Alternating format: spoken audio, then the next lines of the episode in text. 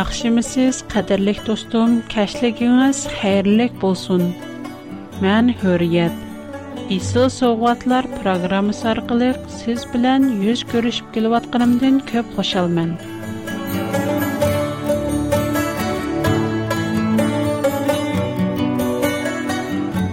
Мен білән бір көткізген мұшу қысқығына ерім саат Siz Сіз мұшу бір күн ішчеді Һәм әсмереклек ۋە иң мөһим вакыт бу шуның үмет киләмен. Минем мақсадем әмиләттә сезгә шуны искылдыруш. Программабызның тип нишане фаҡатла Худаның сөҙүн еткүзеш. Худаның хараштерене туныштырып, Худаның хуш-хабарыны достымға әйнен еткүзеп ҡуеш. programmamiz balkim boshqa hikoya roman anglatish programmalaridek kulkilik yumorliq bilinmasligi mumkin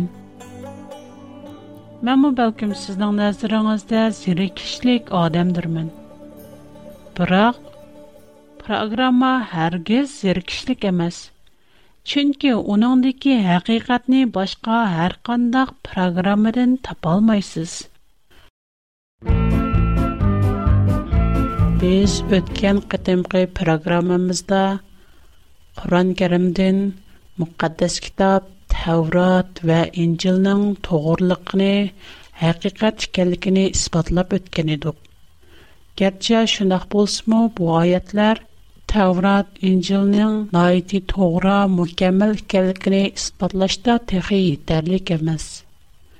Şuna bugün qadirlik dostlarımның səbirçanlıq bilən маңа әгішіп, Құран кәрімден оның мұқаддас кітап, Тәурат вә Инчилға итқан баяларыны көріп бақайлы. Құран кәрім, мұқаддас кітап, Тәурат вә Инчил тоғырлық неме дейді? Бірінші, Құран кәрім 2 сүрә Бәқәр 40-44 аятта мұқаддас кітаплар, Тәурат, Инчил – адамны яхшы эш кылышка үндәйдү дилгән. И Исраил авлады, минем силәргә бергән немиттимне яд итеңләр. Маңа бергән вәдәңләргә вафа кылыңлар. Мен мо силәргә кылган вәдәмгә вафа кылымын. Мәндинла куркуңлар. Кишләрне яхшы эшкә буйрып, өзеңләрне унтымсызлар. Halbuki sizlər kitabni oqub duruslar. Түшенмәмсезләр? Qur'anmı oxşaşla kişilərni yaxşı iş qılışqa dəvət qılıdı. Bunu şu sürədəki 195-ci ayətdən görüb alalayımız. Allah'ın yolunda sərif qılınlar. Özünlərni halakətə taşlamaqlar. İhsan qılınlar ihson qilg'uvchilarni Alloh haqiqatan do'st tutadi.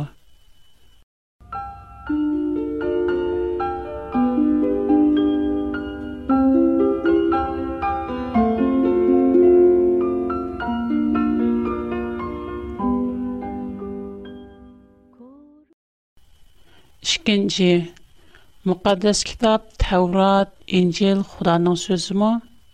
Hə, hə. müqəddəs kitab Allah'tan gelgen.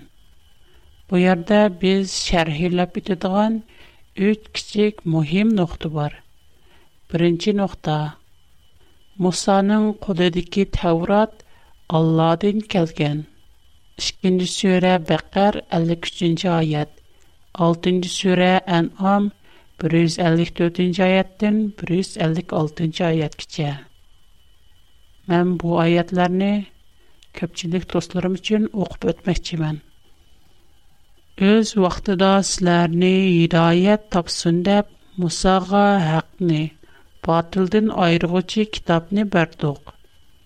Анден олар өз пәрвердігарға мұқалат болдығалығыға шәнсін деп, Яхшылык кылган адамга бердиган неметтимизни мукаммаллаштыруш. Һәр бер нәрсени баян кылыш hidayet qilish və rəhmat qilish yüzüsüdən Musağa kitab ata qıldıq. Bu biz nazil qılğan mübarək kitabdır. Allahın rəhmətini ümid qılğıçılardan buluş üçün onunğa ağışınlar, saqlanınlar. Sizlərin faqat bizdən ilgirki 2 təyibigə kitab nazil qılınğan. Уларның оқыған китапларыдан безнең задыла хәбәрмиз юк демәслекләр өчендер. Яки сезләрнең әгәр безгә китап назил кылынган булса, без әлбәттә улардан артык гыдаят тапкан булаттык демәслекләр өчендер. Булардан сырт 11-нче сүре Худ 110-нче 17-нче сүре Бәни Исраил 2-нче аят 23-cü surə Müəmminun 49-cu ayət. 25-ci surə Furqan 35-ci ayət.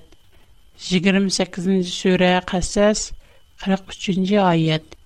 32-ci surə Səcdə 23-cü ayət. 37-ci surə Safat 114-117-ci ayət. 40-cı surə Ğafir 53-cü ayət.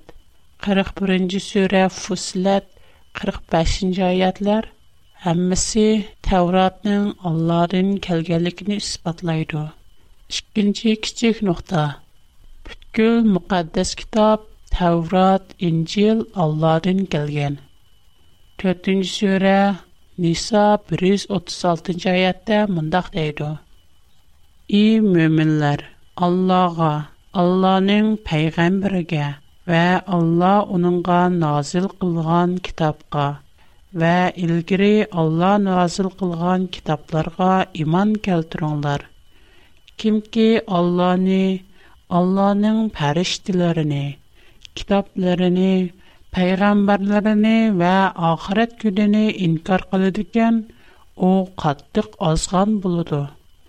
Инә 2 120 121 ayet 213 ayet hem 10. sure Yunus 94. ayetlermo oxşaş məzmunda. Onların hamısı bütkül müqəddəs kitab, Tevrat, İncil Allah'tan kelgen deydi.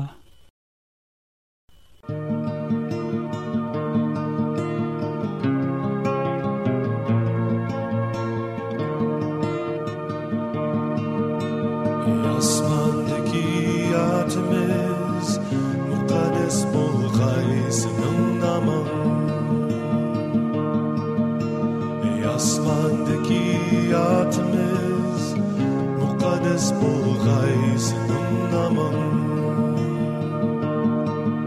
біз башқыларны кәчіргендік біздің кәчіргейсен ей аспандыки атымыз мұқадес болғайсың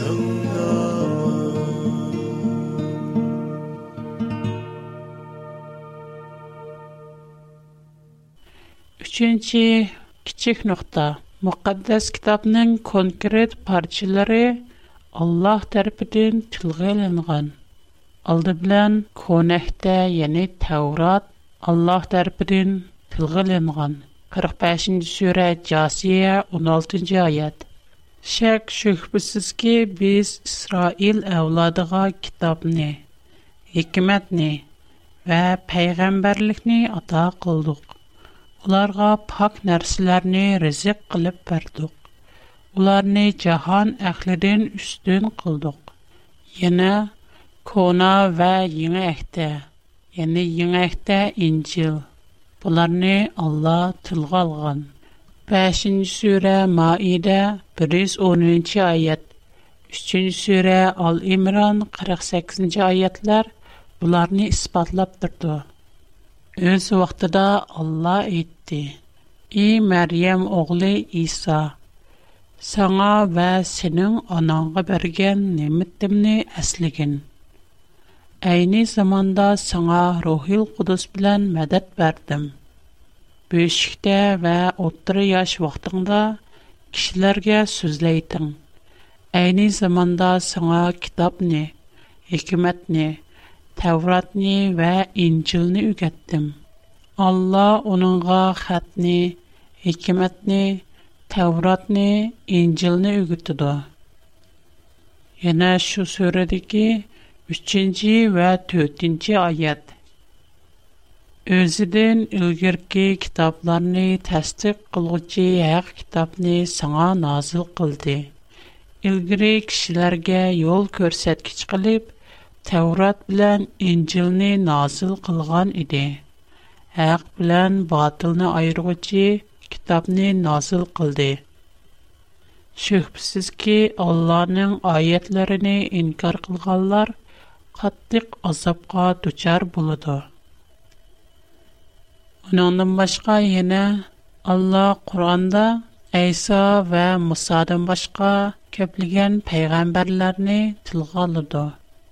6-нче сүре Ан'ам 83-нче 89-нче аяткәчә.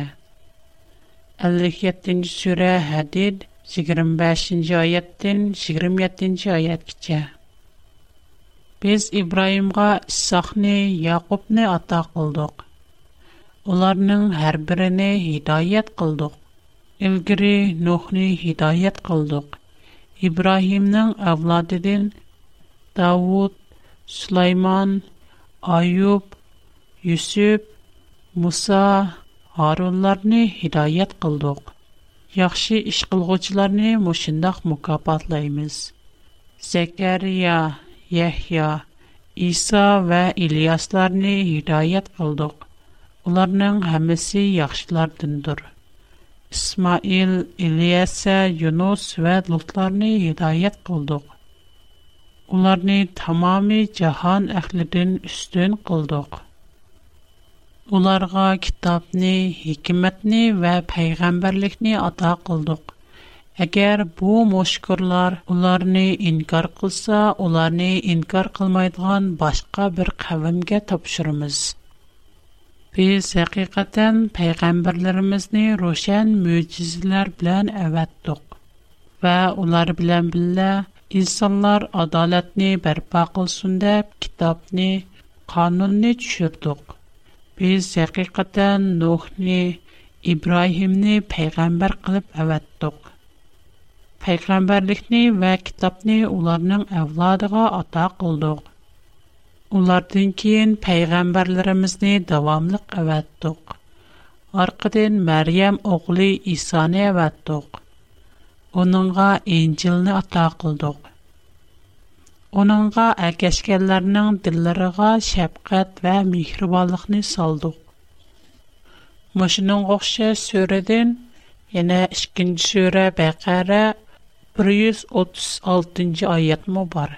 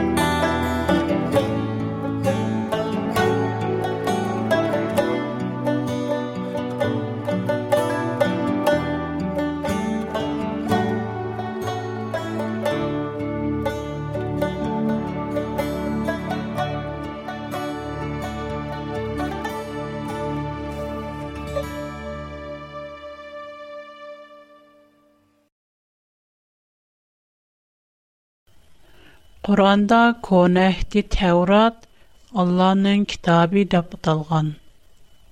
2-нче сүре Бәкәр 101-нче аят. Уларга Алла тарафыдан кулларыдагы китапны тасдиқлайдыган бер пайгамбар келсә, билмейдигандек Алланың китабын аркасыга чөрүп үтүдү. Демек, мушаятта Тәурат дәл Алланың китабы деп аталган. Шунак булган икән, Таврот наһайти хукуклык. У Алланың китабы эмасмы? Şu sürüdeki 174-nji aýatmy oňşaş mazmunda. Gerçi Qur'onda bäzi peýgamberler tilge ilingan bolsamy, amma muqaddas kitap Tawrat we Injildeki barlyk peýgamberler bir-birläp tilge Quran bu ақта мұндақ түшәнші бірді. 4-ші сүрә Ниса 163-164-ші айет. Біз Нухқа вә оныңден кейінкі пәйғамбарларға вәхи қылғандек, әқиқаттен саңа вәхи қылдық. Әмдә Ибрахимға, Исмаилға, Исаққа, Яқубқа, Яқубның ауладларға, Исаға, Айыпқа, Юносқа, Арунға, Сулайманға вәхи қылдық. Давудқа зәбурны ата қылдық. Біз нұрғын пәйғамбарларыны әвәттіқ. Оларның арысыда үлгірі саңа баян қылғаларымыз му бар? Саңа баян қылмғаларымыз му бар? Алла Мусаға сөз қылды. Мұшайаттың найты әнік күрі олалаймыз ке? ko'pligan payg'ambarlar allaqachon Tavrat, İncilda tug'ilingan ham ularning faoliyatlari mukammal xotirlangan. Gerçi Qur'an ularni bir-birlab bayon qilmagan bo'lsa-mu, u bizga mushu payg'ambarlarning rost va to'g'riligini, ulardan Tavrat va İncildan kirvog'il bo'lganligini aytib berdi. 3. Алла мукаддас китаб, таврат ва инчилни когдашка баады барген.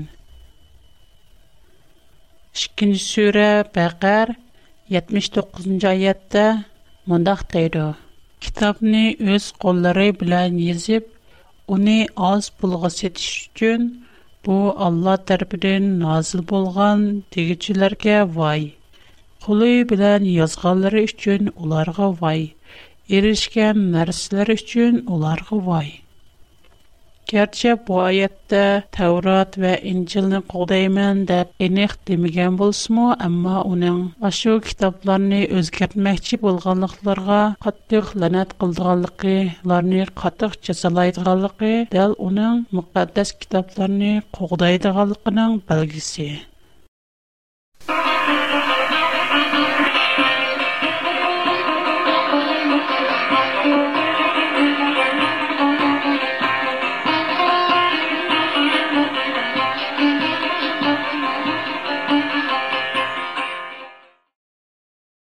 Əmdi 15-ci surə Hicr 9-cu ayət 10 və 13-cü ayətlərə qarab Allahның Təvrat, Zəbirdən ibarət müqəddəs kitablarını çoxum qoğdaydıqalıqqa vədi bərgəlikini görüb baxaylı.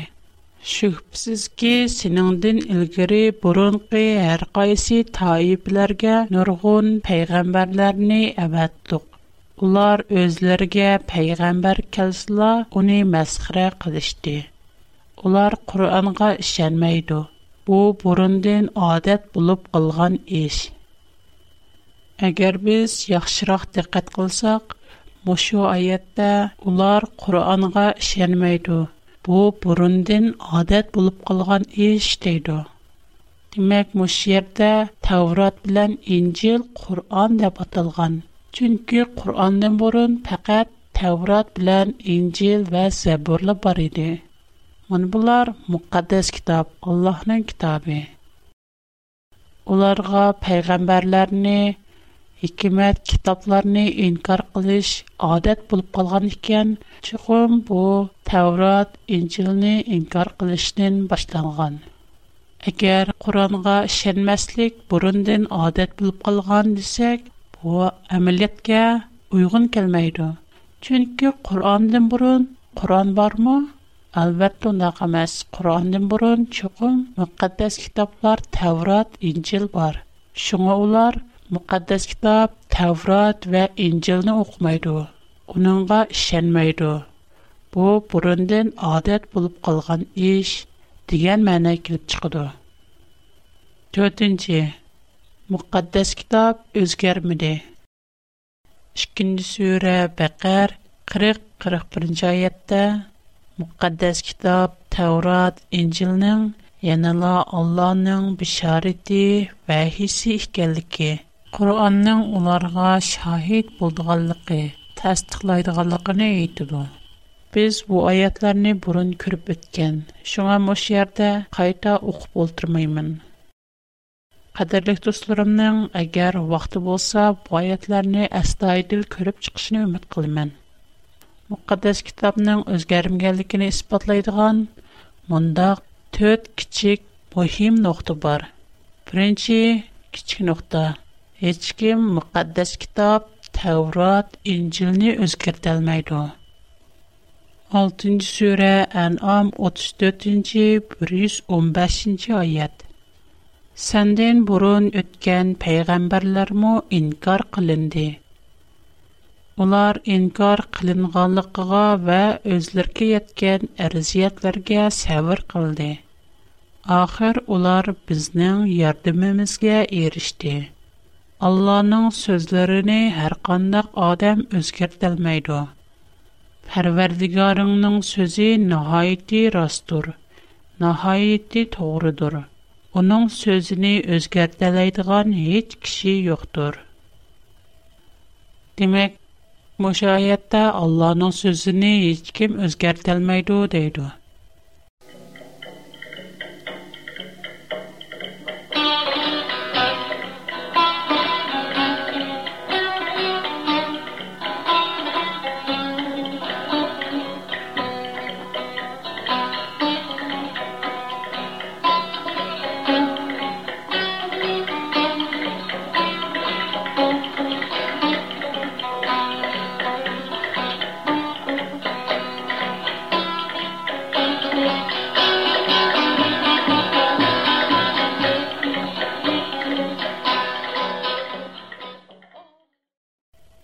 burun ko'rib o'tgan ikkinchi sura baqar ellik uchinchi oyat yettinchi sura ayrof 144 yuz qirq to'rtinchi oyatlarda muqaddas kitob tavrot injil xudoning so'zi ekanligini o'qib o'tgan edik tavrot injil allohning so'zi bo'lgan ekan undaqda uni hech kim o'zgartirolmaydi ikkinchi kichik nuqta yettinchi sura airof 144-нче аят, 41-нче сүре Фусилат, 43-нче аятта Бұрынғы китаплар Тәурат вә Инжил құдды Құран кәрімге оқшаш түхмет күчірған дейілді.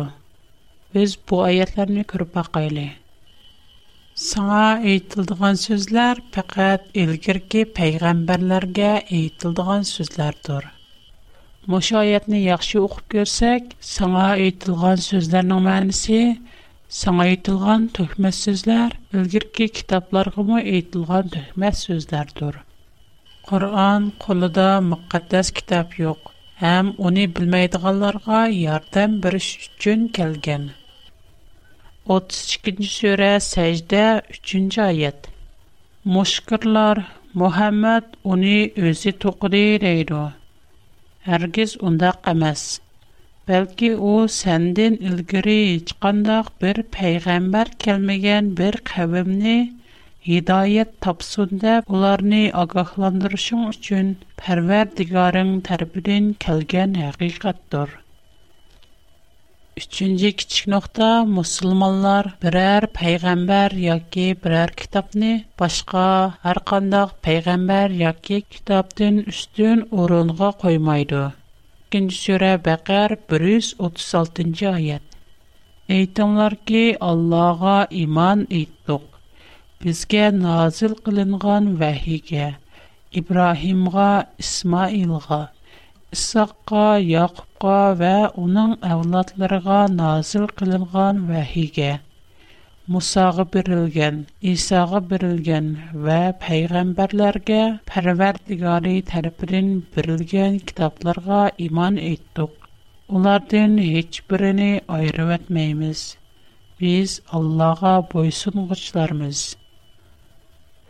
Bu oyatdan noyti aniq turibdiki, hamma kitob Allohdan kelgan. Biz ularning hammasiga iymon etamiz. ularni bir-biridan ayırıb etməyimiz, bir-biridən üstün orunda emas. Biz ularning hammasiga o'xshash amal qilamiz. Программа ахырда достумга адресимни тап бермекчимин. Әгәр мен белән алакалашышны халысыңыз, қалам ва кагаз таярлап койсаңыз, программа ахырында адресимни хатırlап ала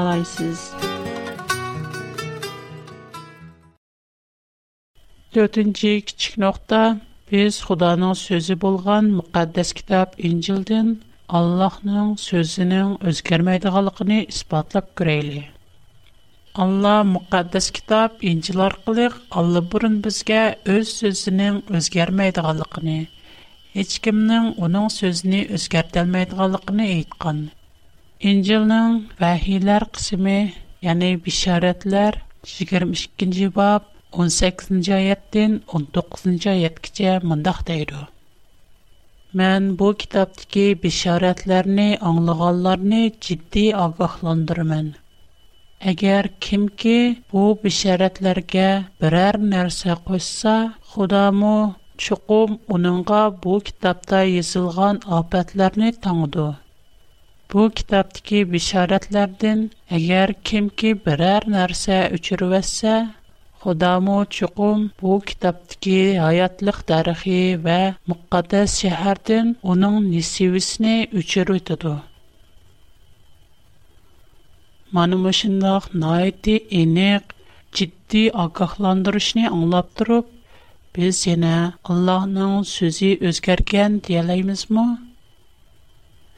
yo'q hech kim deyolmaydi agar biz allohning so'zi o'zgargan desak biz qattiq gunoh qilgan shak keltirgan bo'lamiz tavrat injil o'zgargan deyishmi qattiq shak keltirish qattiq gunohga yotadi injil va tavrat xudoning so'zi tursa kim uni o'zgarta oladi qadrli do'stim mana mushuning o'xshash ko'pligan oyatlar Təvrat və İncilin nəhayəti doğruluğu, intayin mühimliyini isbatlab durubdu. Əgər biz Allahın kəlamını bilishni, onunğa boysunishni xalasaq, çuqum müqəddəs kitablara əməl qilishimiz kerak. Бая һәм бурын оқып беткән азгына аятлар көпчелек дусларыбыз өчен техи туллык испатлаш эмас. Biz kilər qədimqi proqramımızda bu haqda tulluq ispatlaş elib barımız. Bugünkü proqramımız müşərdə ayaqlaşdı. Mənim tor adresim hürriyet at